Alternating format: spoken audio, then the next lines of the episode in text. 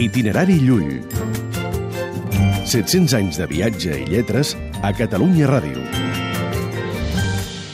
L'alegria del convers.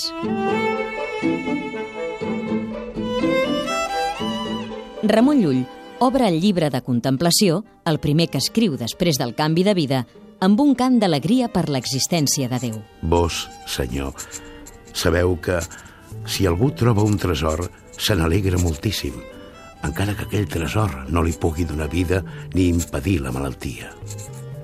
I doncs, aquell que s'adona en la seva pensa que vos existiu i doneu vida i impediu la malaltia, bé és foll si no s'alegra més de vos que del tresor que troba.